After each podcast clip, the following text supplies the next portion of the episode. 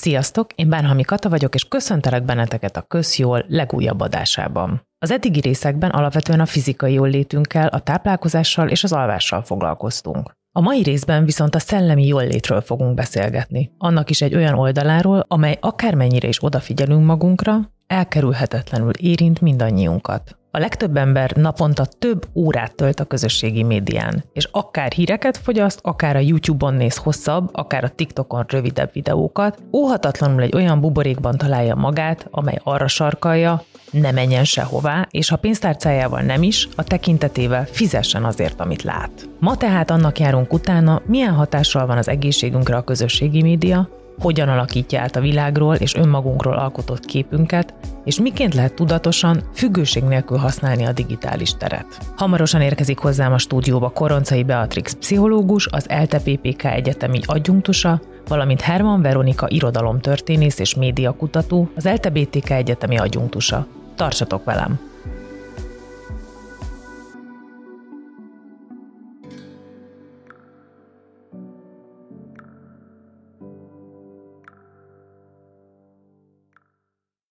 Nagy szeretettel köszöntelek benneteket a stúdióban ma. Szia, sziasztok! Köszönöm szépen a meghívást. Sziasztok, én is köszönöm.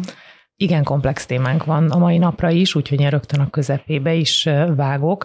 Az első kérdésem az az, hogy a ti értelmezésetekben mit jelent tudatos médiafogyasztónak lenni? Ez egy óriási kérdés egyébként, nem csak a te kérdésed, hanem mostanában nagyon sok olyan törekvés van, ami megpróbálja ezt meghatározni. Egyrészt az oktatás gyakorlatában, másrészt pedig nyilván a, a tudományban is, egyrészt a pedagógiában, a pszichológiában, és persze a média tudományban is. Nyilván a tudatosság az az életnek minden területén egy nagyon nehezen körülírható fogalom, hogy mit is jelent tudatosan élni. Nyilván van közel ahhoz, hogy valaki mennyire reflektált az őt körülvevő jelenségekre, és mennyire reflektált saját magára, illetve a saját identitására ezekben a különböző közegekben. Tehát, hogy nyilván a tudatos média fogyasztást, vagy média használatot is szerintem innen érdemes elindítani. Melyek azok a módszerek, amivel már nagyon kicsi kortól rá lehet az embereket vezetni, vagy meg lehet nekik mutatni azt, hogy az, amit a különböző média felületeken látnak, vagy hallanak, vagy olvasnak, az nem feltétlenül egyezik a valósággal, és nem kell feltétlenül azonosulni vele. Tehát van benne egyrészt egy reflexió, és másrészt azt hiszem, hogy a szelekció is egy nagyon fontos fogalom a média tudatosság kérdésénél, hogy mi az, ami elér engem, és ebből mi az, amit én ki tudok válogatni, vagy választani magamnak. Erre is vannak különböző módszerek, és nyilván az algoritmus kultúra ezt nem egyszerűsíti meg, hogy úgy mondjam, mármint hogy a szabad választás, de szerintem erről később még fogunk beszélgetni. Igen, én az én kutatási területemen inkább az egészséges közösségi média használat az, ami egy kérdés, hogy mitől válik patológiása, vagy mi, mi az, hogy rizikós média, közösségi média használat. Ez egy kicsit más szemszög szerintem, mint a, mint a tudatos média használat, de hogy, hogy ez egy, egy másik perspektívából próbál válaszolni arra a kérdésre, hogy hogyan is használjuk a közösségi médiát, és hogy az egészséges használat szempontjából olyan kérdések merülnek fel, hogy mennyire funkcionális a használat, tehát mennyire arra használjuk, amire mondjuk létrejött a közösségi média, vagy mennyire elégít ki más olyan pszichés szükségleteket, amik, amiket, hogyha ezen keresztül elégítünk ki, akkor abból esetleg válhat egy függőség, vagy egy problémás használat, vagy kockázatos használat. Erre már rögtön vissza is kérdeznék, hogy pszichológiai szempontból mik a legsúlyosabb hatásai a közösségi médiának, és itt főként Facebook, Instagram, YouTube, az ilyen típusú, ilyen személyes tartalom ö, fogyasztási oldalakra gondolok. Igen, hát ez már egy darásfészek, hogy egyáltalán van-e jelentős hatása ezeknek a, ezeknek a média platformoknak, mert hogy Ebben sincsen egy tudományos konszenzus. Bizonyos kutatások azt mondják, hogy nem olyan jelentős, mint amit mi gondolunk általában véve a, köz, a közvélemény, mert hogy amikor arra fókuszálunk, hogy akkor mi a hatása ránk a közösségi média tartalmaknak, akkor ezáltal el, vagy háttérbe szorítjuk az élet többi dolgát. Hát oké, okay, hogy van valamilyen hatása a közösségi médiában olvasott, látott dolgoknak, na de hát mennyi minden másnak van még ránk hatása amúgy, amit egy nap alatt csinálunk. És azért, ha mondjuk összehasonlít látjuk mondjuk egy, nem tudom, egy trauma hatását az életünkre, meg a lelki egészségünkre, akkor ezt nyilván nem tudjuk uh, ekvivalensi vagy összehasonlíthatóvá tenni mondjuk a, a, azzal, hogy mondjuk milyen tartalmakat fogyasztunk a közösségi médiába. Összességében persze uh, statisztikailag szignifikáns uh, hatásokat mértek mondjuk akár az önértékelés kapcsán, tehát hogy, hogy bizonyos tartalmak fogyasztása akár egy ilyen kísérleti helyzetben is mondjuk okoz alacsonyabb önértékelést, vagy rosszabb hangulatot, de hogy nem biztos, hogy olyan markáns hatások, mint, amit, mint amitől félünk. Mit nevezünk social media függőségnek, és hogyan alakul ez ki? Na, a egyik legfontosabb topik ezen belül az, hogy, hogy gyakran azt gondoljuk, hogy a függőség az azt jelenti, hogy valaki sokat használja az, az ott közösségi médiát, pedig ez önmagában nem egy megfelelő kritérium arra, az a arra vonatkozóan, hogy el tudjuk dönteni, hogy most akkor valaki függő-e vagy sem, mert hogy nagyon sokan nagyon intenzív használók, de nem nevezhetők függőnek. Tehát hogy az, amitől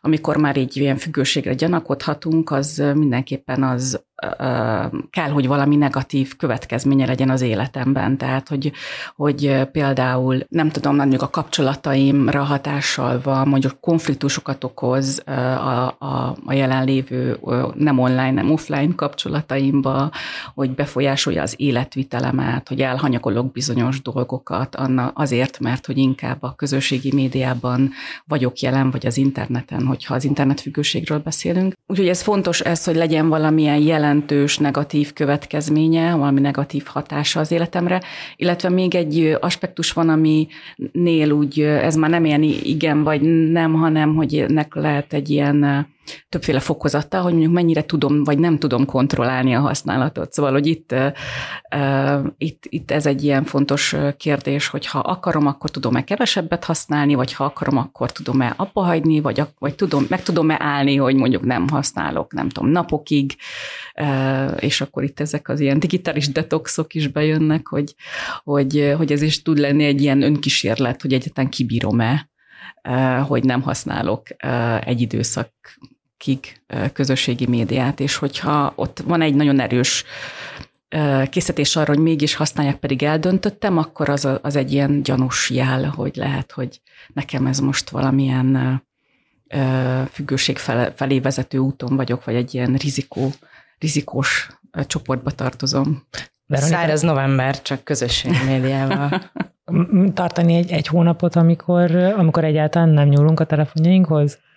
Nem hiszem, hogy ez nagyon kivitelezhető lenne manapság. De, De nálunk egyébként van egy bevezetés a médiatudományba kurzus, amit nem én tartok, de az a kollégám, aki ezt az órát tartja első éves média alapszakos hallgatóknak az eltén, ott például szoktak ilyen kísérletet csinálni, hogy hogy a diákoknak 72 vagy 48 óráig nem lehet használni nem csak a közösségi médiát, hanem általában a, a különböző eszközeiket, ez egy választható, természetesen nem egy, nem egy kötelező feladat, választható. Sokan kiszokták próbálni, és ugye azt is fel egyezni, hogy mikor véreztek el ezen a problémán. És nyilván azért sem lenne kivitelezhető, mert nem csak a social médiáról van szó, hanem arról, hogy megszoktuk, hogy a Google térképet használjuk, és, és akkor nem tévedünk el. Tehát, hogy nagyon nehéz lenne szerintem hosszú távon kiiktatni ezeket az eszközöket ma már az életünkbe. Igen, én pont ezt akartam mondani, hogy a közösségi médiát, vagy akár egy specifikus közösségi médiával kapcsolatban el tudom képzelni, de hogy úgy unblock a telefonunkat ne használjuk, ez, ez mondjuk szerintem butaság is lenne, tehát hogy hát miért ne használjuk, hát használjuk, ahogyan az előbb mondtam, az egészséges módon funkcionalitását tekintve, tehát hogyha egy térképet meg akarok nyitni, akkor miért kéne papír alapú térképpel császkálnom az utcán, szóval, hogy ez, ez így nem, nem szerintem ez nem egy... Miért használjuk a négyegyű függvénytáblázatot, ha van számológép is?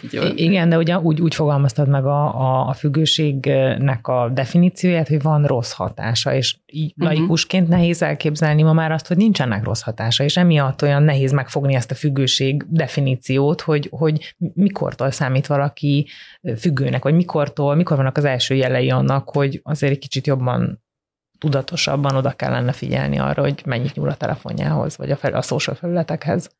Hát nem tudom, szóval, hogyha egy átlag felhasználót megkérdezel, mondjuk egy, nem tudom, egy átlag tinédzsert, akkor, akkor, akkor biztos egy 25 funkciót tudna mondani, hogy miért jó a közösségi média neki, és hogy miért nem tudná mondjuk ezt kiiktatni az életéből, és hogy nyilván van ennek negatív oldala is, de hogy szóval az egy ilyen torzított szemüveg, ha mindig csak azt keresünk, hogy mi a rossz benne. De jó, egyébként ez a kutatás területem, tehát én is speciál ezt csinálom, szóval, hogy tényleg azt keresem, hogy mik a negatív hatások hogy azokban az esetekben, amikor valaki mondjuk figyelemelterése vagy az érzelem, érzelem megküzdési stratégiaként használja, mondjuk eleve vannak ilyen aggodalmaskodó, szorongó gondolatai, vagy rosszul érzi magát, vagy nagyon-nagyon unatkozik, de mondjuk ez egy ilyen gyötrő érzelemre kell, valami negatív érzelemre kell gondolni, és hogy azért veszi maga elé a telefonját, megkezdi pörgetni mondjuk a TikTokot vagy az Instagramot. Ha azt azért teszi, hogy ezekről az érzéseiről megfeledkezzen, meg tudjon feledkezni, vagy el tudja terelni, ez például egy ilyen rizikófaktor a függőségre. Tehát, hogyha valaki azt veszi észre, hogy, hogy nincsenek egyéb megküzdési módjai, nem tud mihez fordulni, szenved, és akkor egyszer csak ott ott van a, a, a kezében. A szórakoztató talál... tartalom, és ezzel enyhíti a szenvedését. Így van, ezzel enyhíti a szenvedését, de hogy ugye hosszú távon ez egy maladaptív dolog, mert hogy nem fogja megoldani az eredeti okot, nem lesznek jobb gondolatai, átmenetileg lesz csak esetleg jobb kedve, vagy amit mondasz, hogy olyan tartalmat fogyaszt, ami, amit itt, itt beszéltünk, vagy egy fél mondatban elhangzott, hogy, hogy ugye a, a, a médiában, ugye ezekben a, ezeken a felületeken olyan tartalmak vannak, amikkel kapcsolatban gyakran tudjuk azt érezni, hogy mi nem vagyunk ilyen, nem vagyunk ilyen szépek, nem vagyunk ilyen gazdagok, nem vagyunk ilyen sikeresek, tehát hogy egy ilyen felfelé történő társas összehasonlítás zajlik le a fejünkbe, hogy összehasonlítjuk magunkat, és hát nem mi győzünk, vagy mi vagyunk a vesztes kategóriába, akkor ugye maga a tartalom is tudja ezt elmélyíteni, ezeket a negatív gondolatokat, vagy ezeket a negatív érzéseket, szóval, hogy hosszú távon ez nem egy adaptív stratégia, mert nem lesz tőle több barátunk, vagy nem, nem tudunk kitalálni olyan megküzdési módokat, amik, amik, amik tényleg pozitív hangulathoz vezetnek, és akkor ilyen értelemben ez nem egy egészséges használat.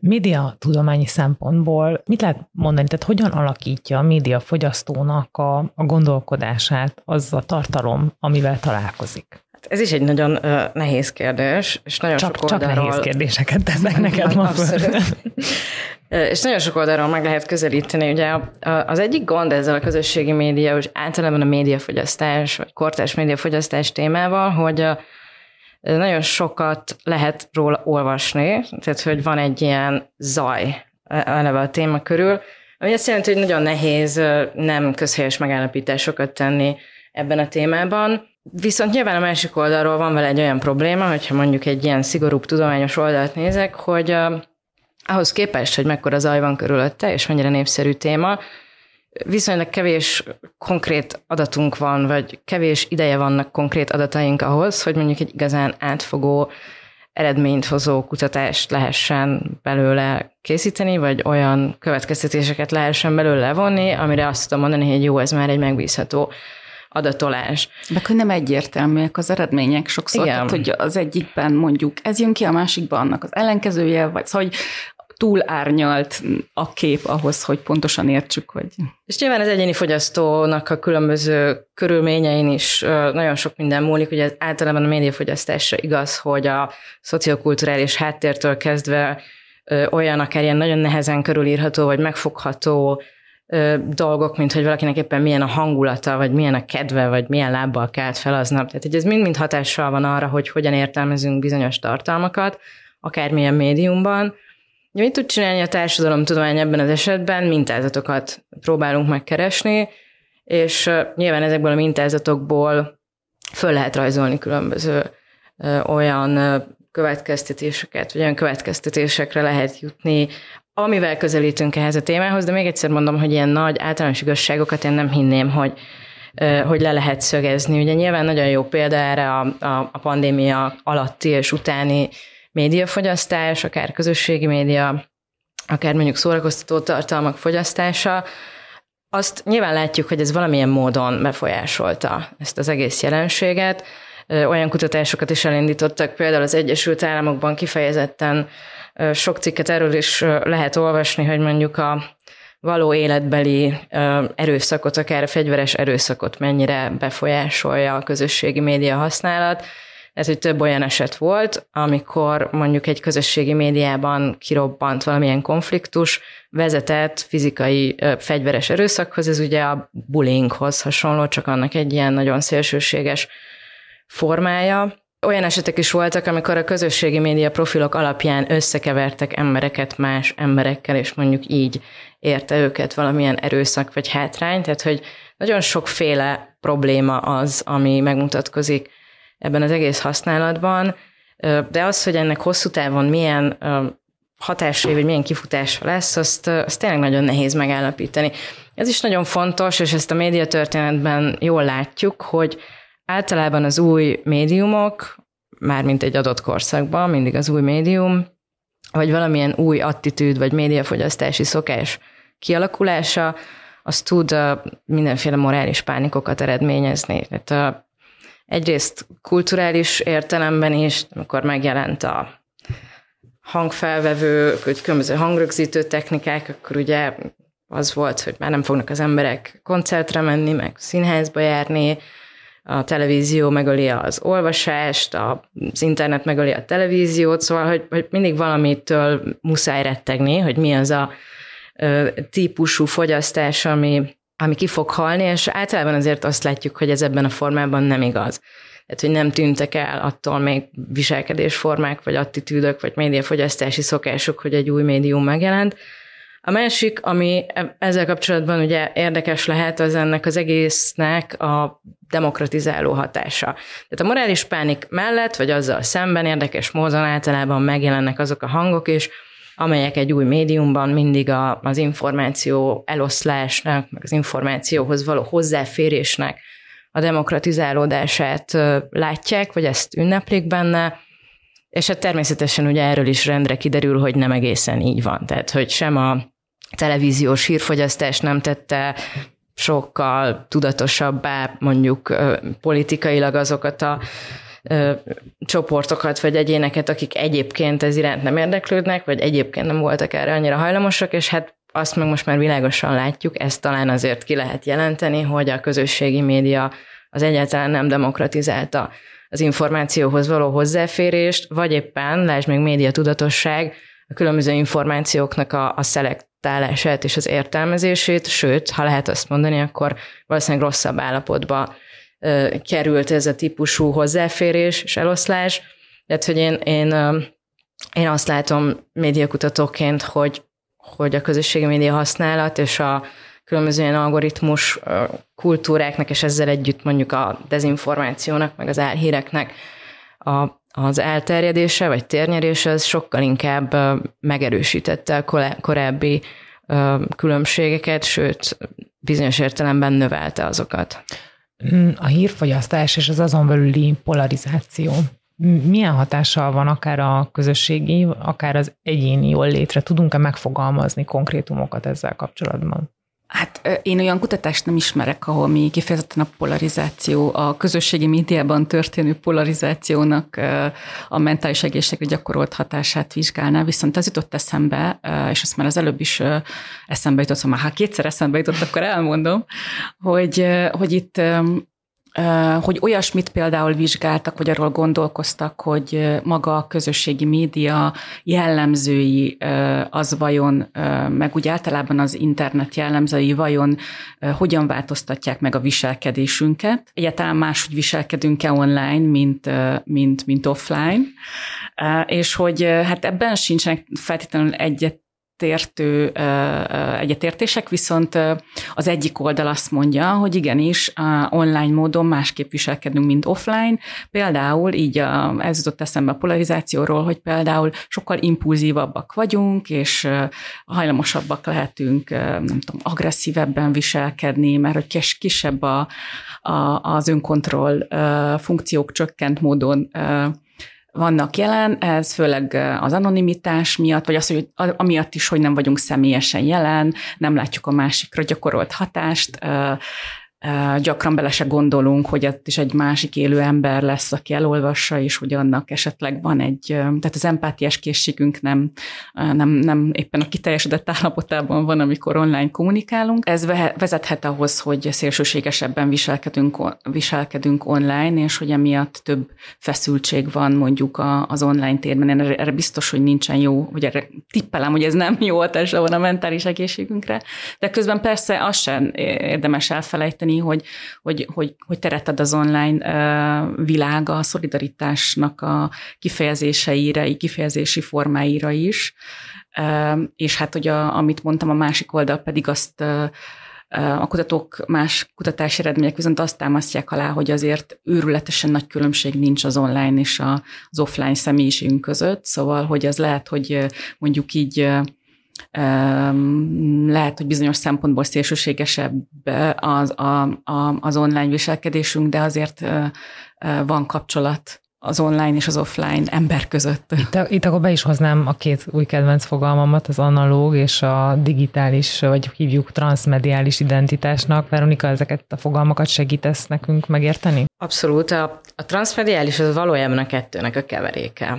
Hát az analóg identitás, azt azt hiszem, hogy nem kell magyarázni. A digitális identitásról illetve hát lehet, hogy kell magyarázni. Nem akartam most így ebbe belemenni, de lehet, hogy nem rossz, hogyha elmondjuk, hogy mi az, hogy analóg identitás, és ahhoz képest mi a transmediális.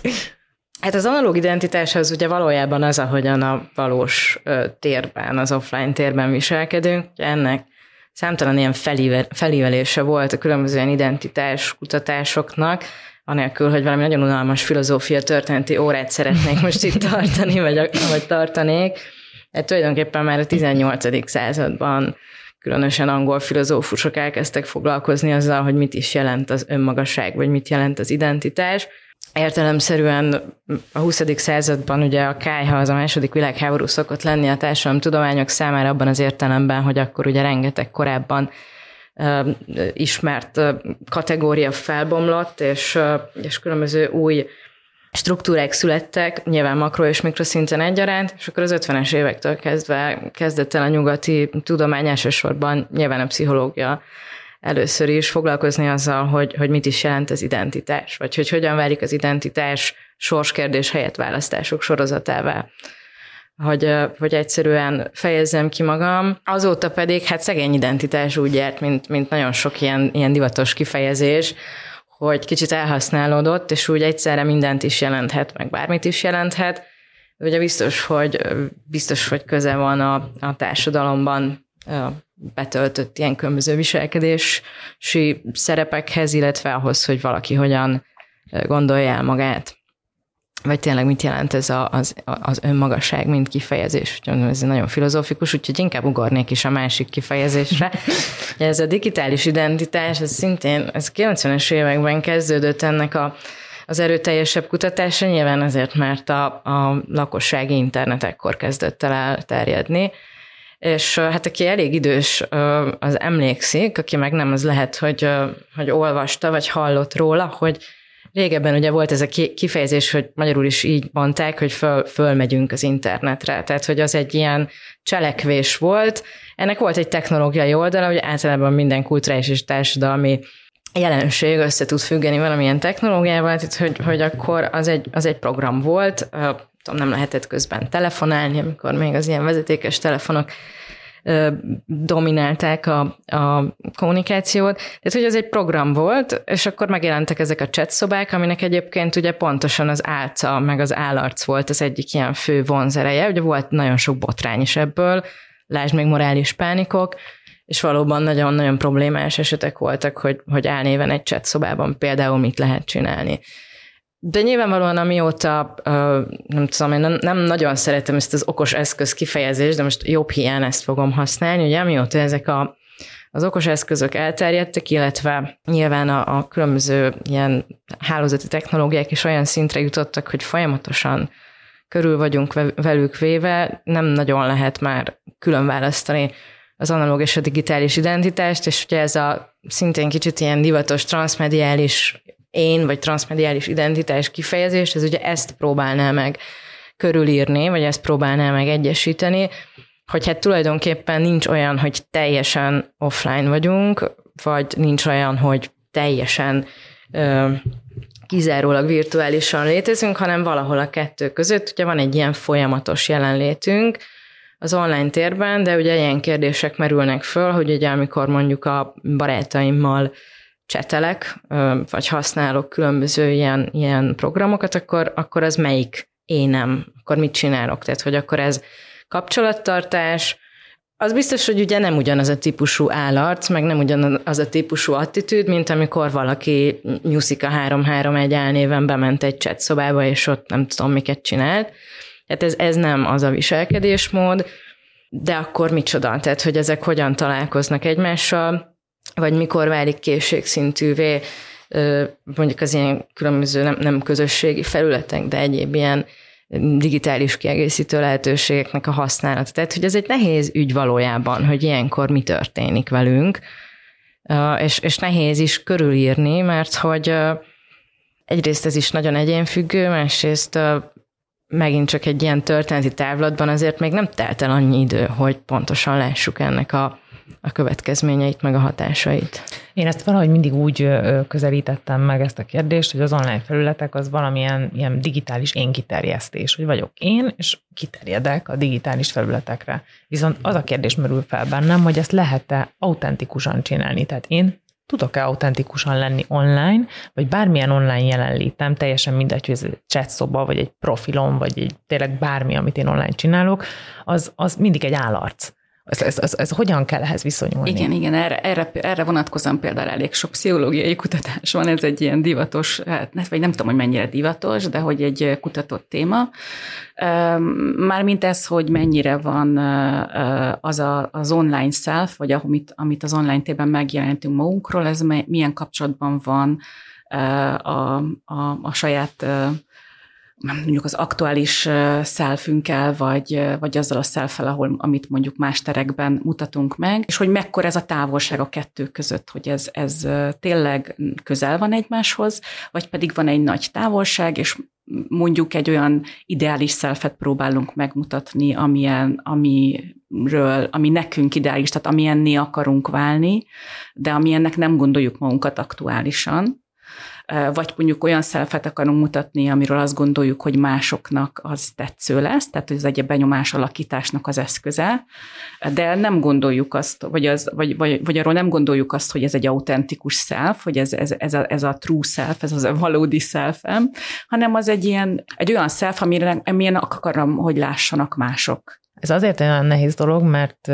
valahol a kapcsolódásnak egy alapformája lett, hogy én vagyok online is és akkor azzal meg kell valahogy küzdenem, hogy én akkor kitalálom, hogy én milyen vagyok online, teljesen mindegy, hogy ez egy magánéleti felület, vagy egy szakmai felület, de hogy akkor ez, ez, ez egy belső nem tudom, gondolkodás, vagy vívódás, vagy minimum kérdések, hogy akkor ki vagyok én online. E, igen, e, hogy ebben ehhez azt feltételezi, hogy egyáltalán tudom, hogy ki, ki vagyok én, tehát hogy, hogy mennyire világos magam számára és a saját önmagam, tehát hogy mennyire koherens például, amit gondolok magamról, vagy tisztában vagyok-e arról, hogy, hogy, hogy én ki vagyok, vagy milyen vagyok.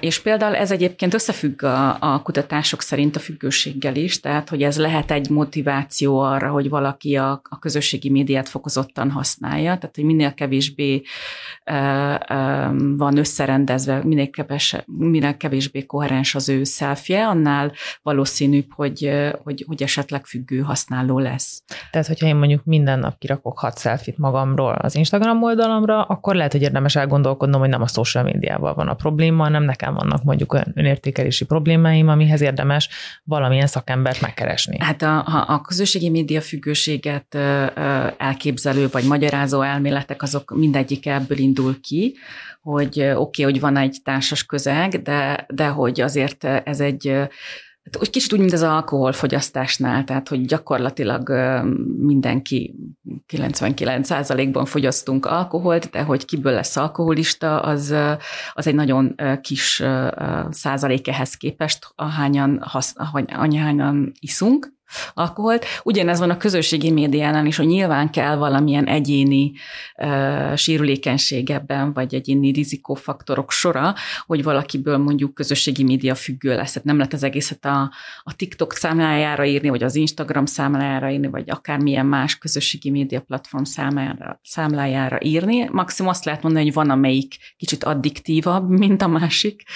Uh, az ő kiképzése miatt, vagy az ő jellegzetességei miatt, viszont mindenképpen ott van, hogy, hogy milyen ez az egyén, tehát ki az, aki használja, és hogy neki milyen uh, tulajdonságai vannak, amik mondjuk predestinálják arra, hogy, hogy ő miért kattan rá mondjuk a közösségi médiára. A hallgatóinkat szerintem több korosztálynak így a, a social médiával való kapcsolata érdekli, úgyhogy én most először így a gyerekek témáját szeretném behozni, hogy Ugye említetted az alkoholt, meg, meg különféle szereknek a használatát, vagy akár még nem tudom, a játékot, amik mind, mind korhatáros dolgok, viszont a közösségi médiát nem nagyon lehet korlátozni. Milyen teher ma a gyerekeken a social média?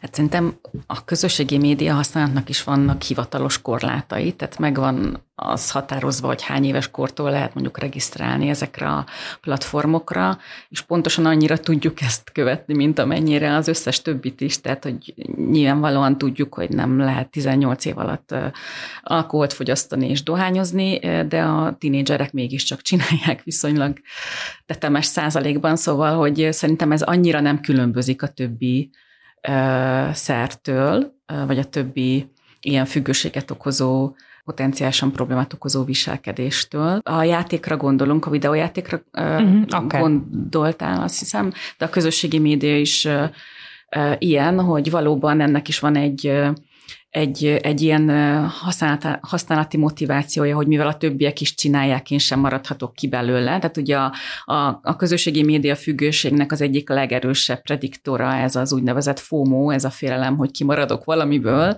De nem feltétlenül a közösségi média használatból való kimaradás van itt benne, hanem hogy a társaságból kimaradok, hogy én nem leszek ott, nem fogom látni a többiek mit csinálnak, és mivel a, ahogyan itt hallottuk, nincsen azért ilyen elszeparálva az a két lét, az online és az offline lét. Tehát a serdülők sem úgy élik meg, hogy külön vagyok az egyikben, illetve a másikban, hanem nyilván az online tér is egy olyan tér, ahol társasági élet zajlik, és emiatt nem lehet belőle kimaradni, mert aki kimarad, az, az esetleg kimarad a társaságból is. Tehát, hogy nyilván egy, van egy ilyen szociális nyomás, és hát a serdülőknél meg különösen fontos ez a, ez a téma, hogy hogyan kapcsolódok a kortársakhoz, hogy engem ott befogadnak-e, hogy mi az a közösség, aminek én a része vagyok. Igen, igen, csak valahogy jó esetben egy felnőtt már egy stabilabb belső nem tudom, rendszerrel rendelkezik, és el, meg uh-huh. tudja, el tudja dönteni, hogy ami felé jön információ, az amit kezdjen egy gyerek esetében, azért ez nem így van. Hát sőt, a, ugye az önszabályozás, amit már az előbb emlegettem, ami a függőségnél egy fontos dolog már, hogy tudom-e kontrollálni a használatomat, az is a tinédzsereknél még nem a felnőttek szabályozási szintjét, szintjén van, hanem, hanem ők még abban nagyon is fejlődnek a tinédzser koruk alatt, tehát hogy valóban rosszabb is az önszabályozásuk, tehát impulzívabbak, meg nagyobb rizikót vállalnak, mint, mint majd fognak vállalni ők maguk is akár 5-6 év múlva. Úgyhogy ez egy, ebből a szempontból ők egy ilyen sérülékeny csoport, a tinédzser korosztály. Visszatérve a videójátékokra még azt akartam kiemelni, hogy ott sem um, ilyen fekete-fehér ez a hozzáférés jósága a kérdés, mert hogy ott is különböző típusú játékok vannak, szóval ott sem érdemes egy kalap alá venni minden videójátékot, hogy, van, hogy ez így unblock egy hatalmas veszélyforrás, hanem a szülők is nek is jó, ha tudják, hogy, hogy azért vannak különböző típusú játékok, és vannak olyanok, amik, amik kifejezetten jó hatással lehetnek akár a gyerekekre, meg ott is van korhatárbesorolás, szóval, hogy ezeket figyelemmel követve azért a szülő is jobban tudja differenciálni magát a videójáték használatot, és nyilván vannak a játékok, amik mondjuk fiatalabb gyerekek számára megfelelő, és egyáltalán nem rossz, hogyha hogyha, hogyha esetleg az a gyerek játszik, szóval nem követnek el semmi rosszat vele, hogyha engedik játszani, és vannak olyan, amiket tényleg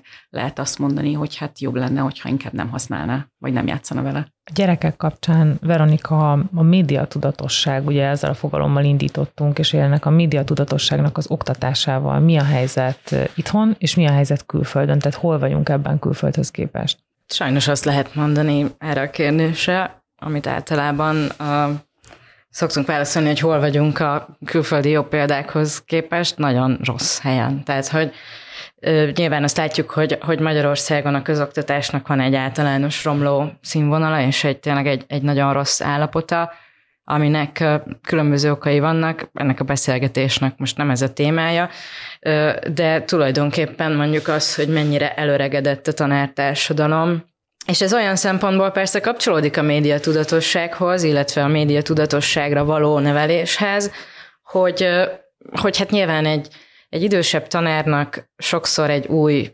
média technológiát, vagy egy új platformot megtanulni, vagy átlátni, az sokkal nehezebb, mert nem jön olyan készségszinten, és sokkal több energiát kell belefektetni, mint mondjuk egy olyan fiatalabb tanárnak, aki adott esetben már ebbe szocializálódott.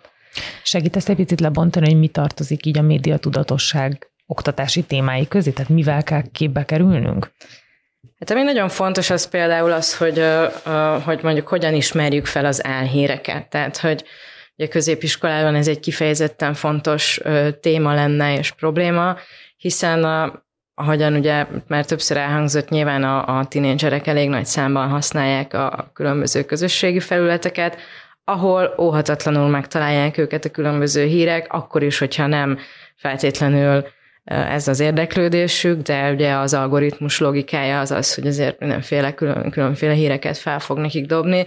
Ugye az, hogy ezeket a híreket hogyan értelmezik, vagy hogy meg tudják állapítani mondjuk egy oldalról, hogy ez mennyire megbízható, az, az, egy, az egy kardinális kérdés. Ugye erre vannak egyrészt ilyen nagyon egyszerű gyakorlatok, ugye, hogyha egy oldal, egy ismert oldalnak a nevét imitálja, de mégsem pont ugyanaz, New York Times, New York pont XO, tehát hogy ezek a különös című oldalak, ugye ezeket például könnyű felismerni, de ez nem mindenki számára egyértelmű, és nyilván főleg nem egy, egy gyerek számára.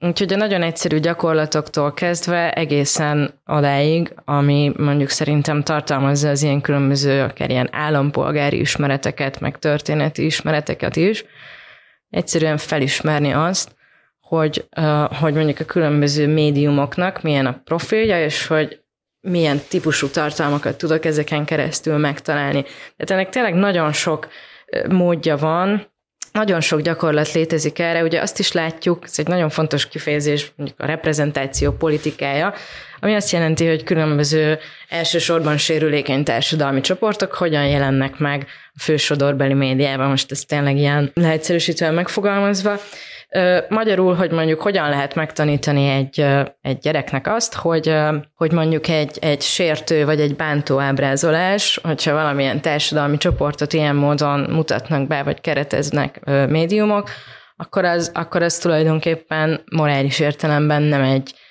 nem egy helyes dolog. Ugye Magyarországon sajnos ez megint elég rossz állapotban van jelenleg, hiszen éppen fősodorbeli médiumokban látjuk azt, hogy különböző társadalmi csoportokat, és elsősorban kisebbségi csoportokat kifejezetten stigmatizáló, sértő módon mutatnak be. Nyilván egy média órán meg lehet ezt beszélni, hogy ez, ez hogyan történik, miért történik, mik azok akár a mediális eszközök, amik mondjuk inherensen a médium jellegéből fakadnak, ami miatt ez megtehető, és mondjuk mi ez a társadalmi kontextus ami ezt létrehozza. Erről szerintem nyugodtan lehet médiaórákon beszélni. A másik probléma viszont az, hogy ugye hivatalosan nincs médiaoktatás Magyarországon úgy nagyjából. Néhány évvel ezelőtt ugye kivették az alaptantervből, ami azt jelenti, hogy vannak médiaórák, vannak médiaszakos tanárok is, nálunk is mi, mi is képezünk médiaszakos tanárokat, most már egyre kisebb számban, egyébként egészen drasztikus csökkenés van ebben is. Mondjuk a, a, az néhány évvel ezelőtt 40-50 fős, vagy 30-40 fős évfolyamokhoz képest most 4-5 ember van ezeken a, ezeken a tanárszakos órákon, ami, ami szerintem egy, egy, egy drámai dolog, és egyelőre még nem is látjuk be, hogy mennyire az. Tehát, hogy magyar órán, történelmi órán, osztályfőnöki órán is szoktak ilyen témákról beszélni. Azok, akik erre fogékonyak, vagy érzékenyek, vagy azok a tanárok, akik ezt fontosnak gondolják, de ugye ez tulajdonképpen nem egy kötelező dolog. Ami azért nagyon aggasztó, mert egyre inkább azt látjuk, hogy elhatalmasodik ez a fajta ilyen, ilyen reflektálatlan média használat, és ennek a, ennek a következménye az nyilván az, hogy társadalmi, politikai és egyébként egyéni kérdésekben is nagyon, hát hogy mondjam, le tudnak maradni így bizonyos korcsoportok ahhoz képest, hogy mondjuk egy demokratikusabb berendezkedésű oktatási rendszerben, meg egy, meg egy inkább egy egyenlőségre épülő oktatási rendszerben milyen megoldások vannak erre. Mivel beszéltünk az oktatásról, beszéltünk arról, hogy ez tulajdonképpen nincs. A legtöbb helyen nincs, fogalmazunk így. A, a, a szülőknek mi a szerepe, vagy mi lehet a szerepe abban, hogy a gyerekek ö, hogyan viszonyulnak ezekhez a felületekhez? Természetesen létezik ez a digital parenting kifejezés vagy terület, hogy, hogy a szülőnek milyen szerepe van abban, milyen olyan szülői stratégiák vannak, amik segítenek abban, hogy a gyerekre gyereknél minimalizálják a médiafogyasztásnak a káros hatásait, és sok minden, hát hogy mondjam, szóval nem egyértelmű, hogy mi az, ami fantasztikusan megelőz bármilyen negatív hatásot, hatást, szóval ilyen kevés van. Az, amit lehet mondani, hogy, hogy ha a szülő egyáltalán nem foglalkozik ezzel, tehát hagyja a, a gyereket úgy fogyasztani, ahogy a nő akar, akár például azért, mert ő mondjuk nem, ér, nem ért hozzá, tehát akármilyen oknál, vagy az életkorából adódóan, vagy egyszerűen egy másokból tapasztalatlan használó, és nem ért hozzá, és nem érzi magát kompetensnek benne, és azért a gyerekre bízza, hogy mikor, mit, hogyan fogyaszt, annak, annak mindenképpen negatív hatása van.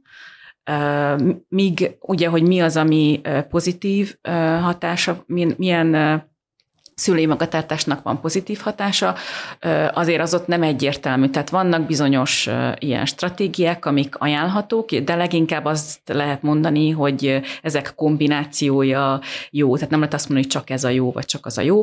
Például az egyik ilyen stratégia ez, a, ez az úgynevezett ilyen monitoring, hogy a, hogy a szülőnek legyen tudása arról, nem csak arról, hogy a gyerek amúgy mit csinál az interneten, vagy a közösségi médiában, hanem egyáltalán tudja azt, hogy mi van a gyerekével. Tehát ilyen általános értelemben is ez egy, ez egy ilyen védőfaktor. Tehát, hogyha tudom, hogy gyerekemnek kik a barátai, nagyjából mit csinál egy nap, már önmagában ez nyilván egy mutatója annak, hogy én a szülői törődésnek, meg akár a jó szülő-gyerek kapcsolatnak, hogy ez önmagában segít abban, hogy, hogy egy gyerek később ne legyen mondjuk akár közösségi média függő, de számtalan más ilyen, ilyen stratégia van, ami, ami hasznos tud lenni, most akár az, hogy a szülők elmondják, vagy beszélgetnek a média tartalmakról, mint mondjuk, ahogy, amit tehetnének a tanárok, de sajnos nincs rá lehetőségük.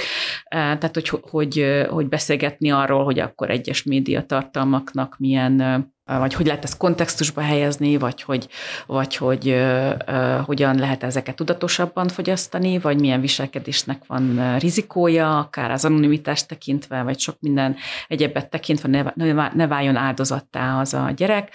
Uh, vannak ezek az ilyen restriktív stratégiák, a tiltások, akár időtartamra, akár tartalomra vonatkozó tiltások, amik, amiket beilleszteni szintén lehet nyilván hangolva a gyerek életkorához, tehát nyilván egy tinédzsernél ez inkább egy egy ilyen lázadást, vagy egy ilyen ellenséges érzelmet vált ki, hogyha a szülő nagyon csak a tiltó módon lép föl ebben a, ebben a történetben. És akkor vannak a, a szülői modellnyújtásnak, a mintanyújtásnak a, a lehetősége, hogy az, hogy a szülő hogyan használ, mit használ, milyen módon használ az önmagában egy információforrás a gyerek számára, tehát ezt fontos tudatosítani a szülőknek magukban, hogy ők modellt nyújtanak a gyerekük számára, tehát hogyha ők is minden e, ilyen családi eseményen, mondjuk a telefonjukkal vannak elfoglalva, akkor, akkor azért a gyerek se nagyon fog más tanulni, vagy szóval, hogy ezt fogja megtanulni, hogy ez egy elfogadható viselkedés, és kár rajta számon kérni, hogy miért a telefonodat nyomkodott, hogyha amúgy a szülő is mondjuk egész nap a laptopját bújja. Áttérve itt a, így ennek a, a, a mentén a felnőttekre, tehát mennyire valós az a demokratikus ígéret, hogy az internet közösséget épít, meg könnyebb kapcsolódni, meg szimplán egy jobb hely lesz a világ, hogyha mi online tudunk mindent csinálni.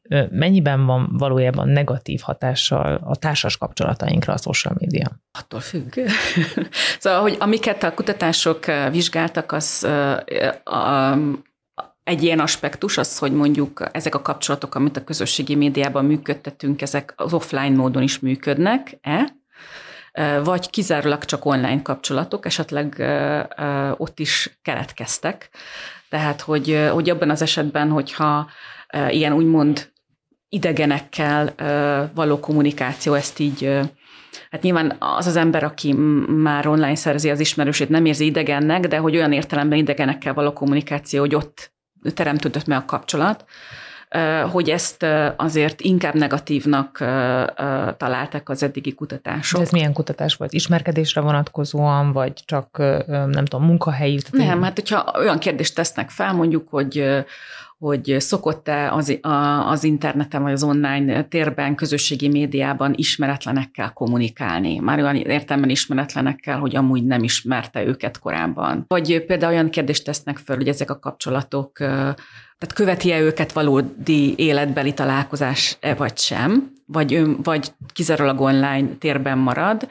Hogyha ezekre a kérdésekre mondjuk igennel válaszol valaki, vagy azt lehet mondani, hogy az ő szociális hálójának a nagyobb része mondjuk e, ilyen kapcsolatokból áll, azt lehet mondani, hogy az ilyen típusú viselkedés általában egy rosszabb mentális egészséggel kapcsolódik. Tehát most melyik volt előbb, szóval itt nem egy okokozati viszonyra kell feltétlenül gondolni, mert inkább valószínűbb az az út, hogy ha valakinek rosszabbak a társas készségei, és eleve mondjuk jobban szorong a szemtől szembeni kommunikációtól, az egy ilyen ahhoz vezethet, hogy ő egyszerűen kényelmesebben érzi magát az online térbe, úgy érzi, hogy ott jobban tud beszélgetni, ott kellemesebb beszélgető partner, nem szorong, stb. stb.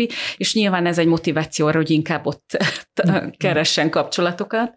De ez rövid, meg hosszabb távon is az elmagányosodáshoz vezet, a, olyan illúziókhoz vezet, hát van egy, egy online, ilyen veszélye, igen. Hogyha igen. én egy online közösségben vagyok, akkor már közösségben vagyok, tehát egy, rengeteg olyan jelenség van, ami, ami nagyon, tehát nagyon negatívnak tűnik. Mi ezzel az egészre a legnagyobb probléma szerintetek?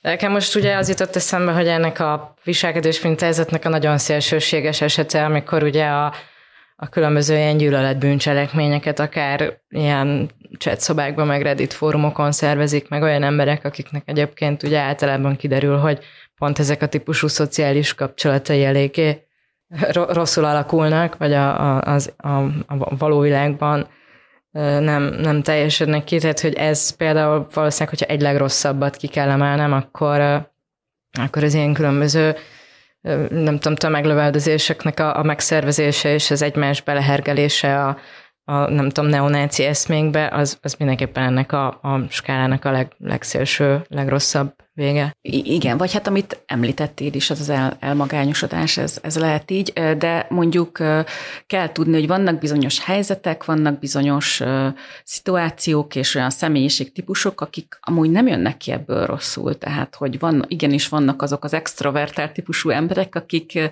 amúgy az, az, az interneten kívül is ilyen típusok, hogy 9 millió emberrel, új emberrel kezdenek kapcsolatot, akkor érzik jól magukat, hogyha ha, hogyha nem tudom, közösségben vannak, azokra az online térben is az lesz a jellemző, és lehet, hogy ők is rengeteg olyan emberrel kezdeményeznek kapcsolatot az online térben is, mint ahogyan az offline térben is, és lehet, hogy az ő szociális hálójuk amúgy ettől gazdagabb lesz, és ettől ők jobban fogják magukat érezni, szóval nem feltétlenül van ennek negatív kifutása. Hát az ne, a kérdés... Nekem ez, amit most elmondtál, nekem ez a másik véglet. Tehát szerintem ez ugyanúgy szörnyű. Tehát, hogy, hogy, hogy az, amikor valaki teljesen kifele él offline és online egyaránt, azt én nem látom egy jó iránynak. Tehát hiszen pont ebbe a két végletbe csapódik az emberek jelentős része, és, hát és ez, mind a kettő komoly problémákat hát ez okoz. attól függ szerintem, hogy mennyire ez egy ilyen kompenzáció, amit szerintem te erre gondolsz, hogy valaki nem nincsen jól e, magában egyedül el, és hogy a, az állandó szüksége van a másoktól való feedbackre, hogy ő jól érezze magát, hogy úgy érezze, hogy én elég jó vagyok, vagy én egy szuper ember vagyok, de azért amire én, amiről én kezdtem el beszélni, az az a, az a dimenzionális különbség, hogy mindannyiunkra jellemző, a, a, van egy, egy egyéni jellemző, aminek egy jó része egyébként akár velünk született is, tehát ez az extroverzió, extroverzió, introverzió skála, hogy mennyire van szükségem társas ingerekre, és vannak szélsőségesen extrovertált emberek, akik akkor érzik jól magukat, tehát ez egy valódi belső szükséglet vezette viselkedés, abban az esetben ez nem negatív. Tehát, hogyha arról van szó, hogy én azért csinálom mindezt, mert, mert amúgy nem érzem magam szerethetőnek, és ezzel akarom biztosítani azt az érzésemet, hogy én szerethető vagyok, vagy hogy én, ez egy bizonyíték arra, hogy én egy szerethető, népszerű, populáris ember vagyok, akkor ez, ez, ez, ez, ez nyilván negatív. Tehát, hogyha egyrészt kell nyilván egy ilyen önre, önvizsgálatra való, nem tudom, nyitottság, hogy egyáltalán felismerjem az érzéseimet. Tehát, hogyha mondjuk kiteszem ezt a 15 posztot, és azt csekkolom, hogy na, arra hány like jön, és hogyha azt látom, hogy na most ez a posztom kevesebb like-ot gyűjtött, mint az előző napi posztom, és ez nekem egy kínzó érzést okoz, ezen agyalok mondjuk két napig, hogy ez hogy lehet, hogy ez ez, történt velem. Na, az, ez elég gyanús, igen. Tehát, hogy az, az, az valószínűleg jobb, hogyha, hogyha ezzel kezd valamit. Tehát. Te ennek megvannak, a, a, a, hogy mondjam, a, a, az offline életben is a megfelelői, Abszolút, nem? Igen. Bocsánat, hogy bele nem, nem, nem, nem, nyugodtan. ez, ez megint egy olyan viselkedés, mint ami tulajdonképpen amire vannak analógiák. Abszolút. Én, én egyáltalán egyértelműen azt gondolom, hogy a közösségi média nem a dolgok okozója, hanem egy, egy, egy újabb hely, ahol megnyilvánulnak azok a problémák, amik amúgy is megnyilvánulnak. És, és hogy ezek maximum csak fel, hang, fel tudnak erősödni esetleg a média nak a jellegzetességei miatt, de hogy nem az váltja ki alapvetően a, a, a problémákat, hanem lecsapódik az, ami egyébként is ott van. Szerintem ez egy nagyon fontos gondolat, és pont így a felelősség témakörben, mert ugye nagy divat ilyen típusú beszélgetések beszídni az internetet, meg szídni a social médiát, de hogy tulajdonképpen ki a felelősség a social média felületek ké, vagy, vagy a miénk abban, amit te mondasz, hogy hogyan használjuk ezeket a felületeket. Hát erre megint csak bármilyen ilyen, ilyen szerhasználati analógiát is fel lehet hozni, tehát ugye általában nem a kocsmárost szokták felelősségre vonni, hogyha valaki túl sokat iszik, vagy nem a szupermarketben az eladót, aki becsipogtatta a, a vodkát. Tehát, hogy a, nyilván ennek van egy ilyen, egy ilyen olvasata, vagy egy ilyen uh, része, hogy, hogy, hogy az egyénnek van benne felelőssége. Viszont a másik oldalról ugye van, amit meg nem nagyon tudunk szabályozni. Még erről nem beszéltünk ma, de én szerintem nagyon fontos kiemelni ugye ezt az egész ilyen adat megosztást, meg digitális megfigyelést, ami azért ezeknek a platformoknak igencsak a sajátja, nem csak a közösségi média felületeknél, tehát ugye a, a különböző streaming platformoknál ez egy ugyanakkor a probléma. Ez, a, ez a, az ilyen úgynevezett ilyen posztpanoptikus digitális megfigyelés, úgy is szokták nevezni, nagyon bigfa módon lefordítva, ilyen platform imperializmusnak szokták nevezni, hogy tulajdonképpen mindannyian a legszemélyesebb adatainkat kiszolgáltatjuk nagy cégeknek, akik ezt különböző módokon felhasználják. Egyrészt ugye én nem vagyok pszichológus, tehát nem annyira értek ehhez a részéhez, de azért lehet olvasni, hogy ez önmagában felerősíti, vagy felerősítheti a különböző szorongásokat, tehát hogy ez az állandó megfigyeltségérzés, meg az, hogy, hogy akkor tulajdonképpen most az én adataimmal mit fognak csinálni. Szerintem ez egy nagyon nagy probléma, viszont a másik része ennek, hogy olyan dolgokat is kiszolgáltatunk magunkról, ami mondjuk egy sokkal nehezebben megfogható dolog, mondjuk az ízlésünk, hogy, hogy mit szeretünk nézni, hallgatni, hogy milyen típusú híreket osztunk meg a közösségi média felteken, hogy milyen képeket rakunk ki az Instagramra, hát nyilván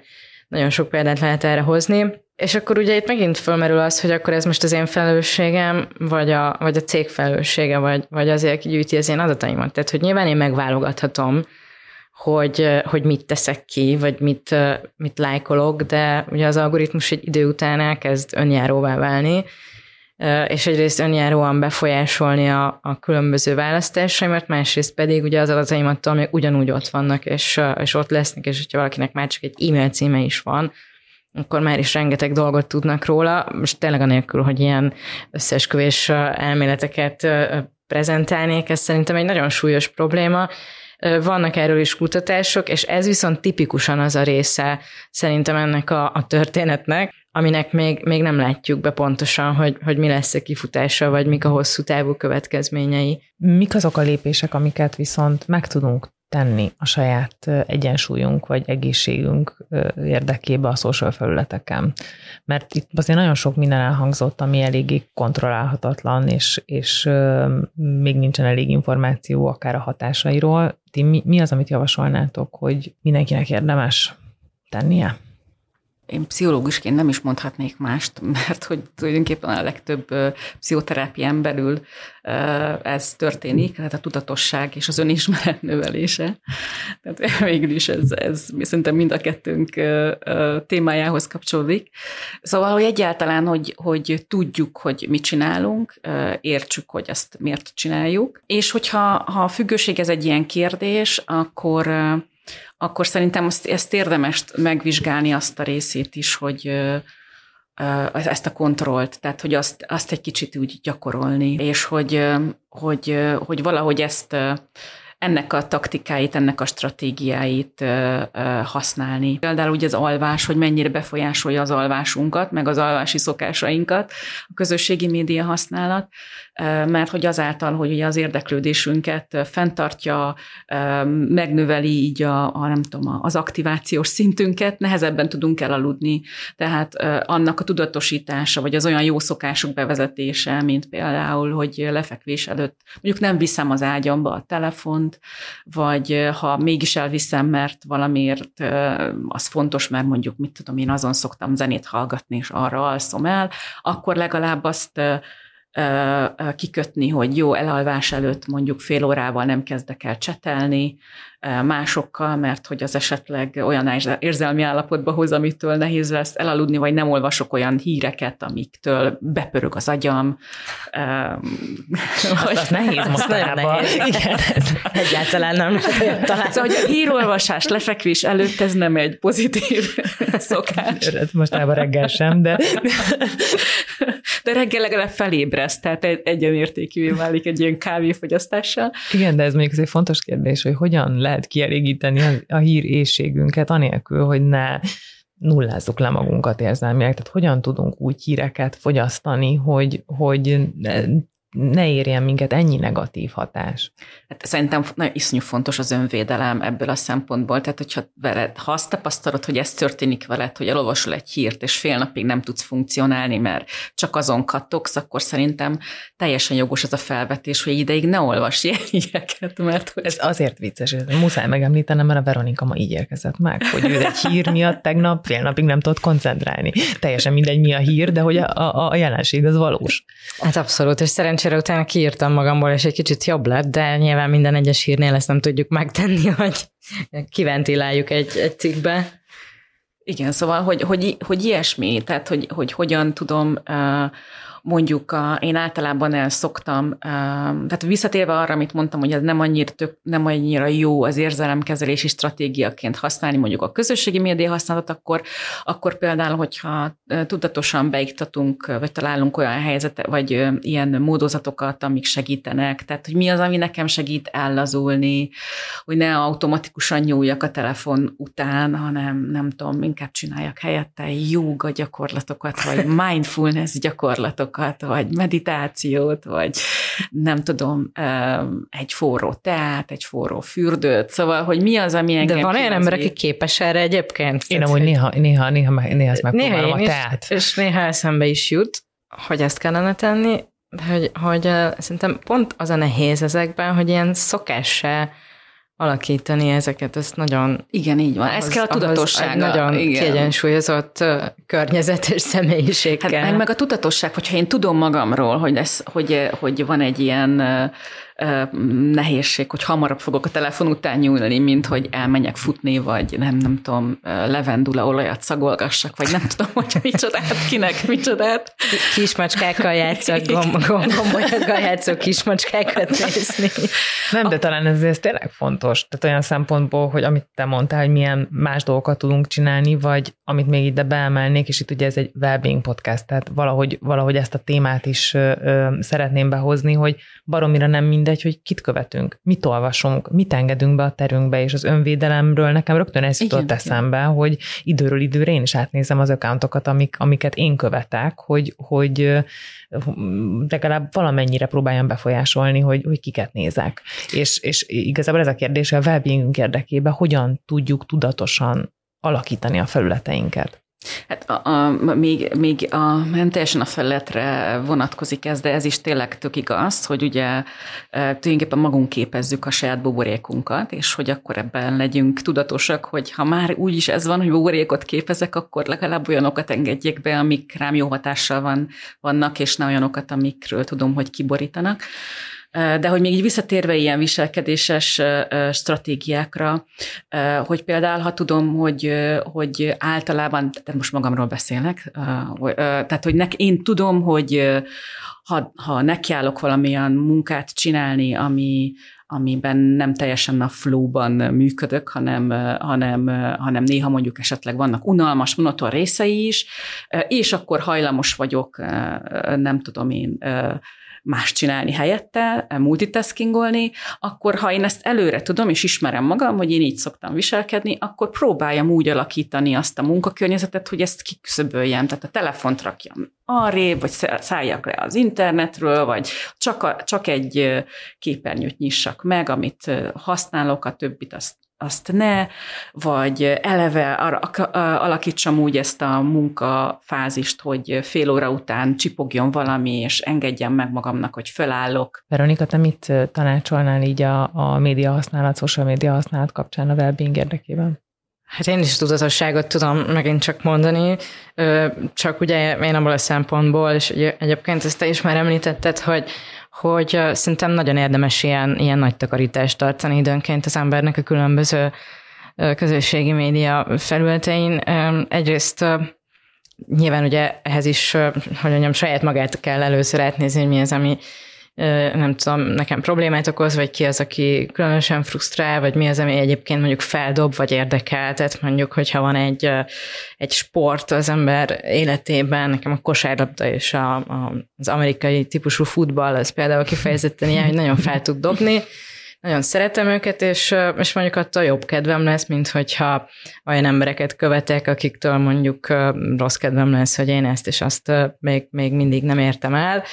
És csak egy ilyen nagyon banális példát mondva, tehát hogy, hogy ez a fajta ilyen, ilyen nagy takarítás szerintem fontos. Nyilván az, hogy hogy mondjam, a, a hírek olvasása utáni depressziót, ez mondjuk nem váltja ki feltétlenül, hogyha csak az ember a hír oldalakról sem iratkozik le, de hogy azért szerintem meg lehet úgy húzni akármelyik felületen a, a követett accountoknak a számát, hogy, hogy ne okozzon tényleg mindig valamilyen folyamatos rossz érzést az, hogyha hogyha végig nézek a, a feedemen. Tehát, hogy, hogy szerintem tényleg ez a, ez a nagy takarítás, ez tud hasznos lenni, de hát összességében csak tényleg csak az használ, hogyha, hogyha válogatunk, hogyha megvágjuk, és hogyha igen, az előbb említett módszerek egyikét vagy különböző kombinációját alkalmazzuk arra, hogy ne uralkodjon el rajtunk teljesen ez, vagy, vagy pedig elköltözünk egy svájci kastélyba, és uh, minden oldalról leiratkozunk, és, uh, és akkor csak a mindfulness-re koncentrálunk. Nekem lenne kedvem amúgy, és akkor pont ide a záró kérdésem, ami, amit még így témaként szerettem volna mindenképp megemlíteni, az a digitális detox. Tehát, hogy mit jelent a digitális detox, és, és hogyan kell ezt csinálni? A digitális detox azt jelenti, hogy nem csinálok azt, amit előtte csináltam. Tehát, hogy de nyilván lehet általánosabb is, tehát meg specifikus is, attól függ, hogy mit, mi, mi, mi, mi milyen tevékenységgel akarok felhagyni. És egyébként tök érdekes, mert hogy már olyan kutatások van egy-kettő, ami arra vonatkozik, hogy a rövid távú digitális detoxnak van kimutatható pozitív mentális egészségre gyakorolt pozitív hatása. Tehát, hogy, hogy, hogy azok, akiken így eluralkodik a, az a, ez a, nem tudom, közösségi média használat, tehát azt kezdik el észlelni, hogy, hogy ezt már nehezen tudják kontrollálni, akkor érdemes tényleg kipróbálni az, hogy, hogy mondjuk egy napig. Tehát, hogy akár ilyen mikrobeavatkozásokat vonatkozóan van kutatási adat, hogy már annak jó hatása van, ha valaki azt mondja, hogy én egy napig nem fogok használni. De hogy, hogy akkor ezt nyilván lehet tágítani is, vagy én már hallottam ilyen saját kliensi körből, hogy mondjuk úgy mennek el nem tudom én, ilyen családi nyaralásra, hogy mindenkinek otthon kell hagyni a telefonját, és akkor ilyen nomád életet élnek egy mondjuk egy hétig.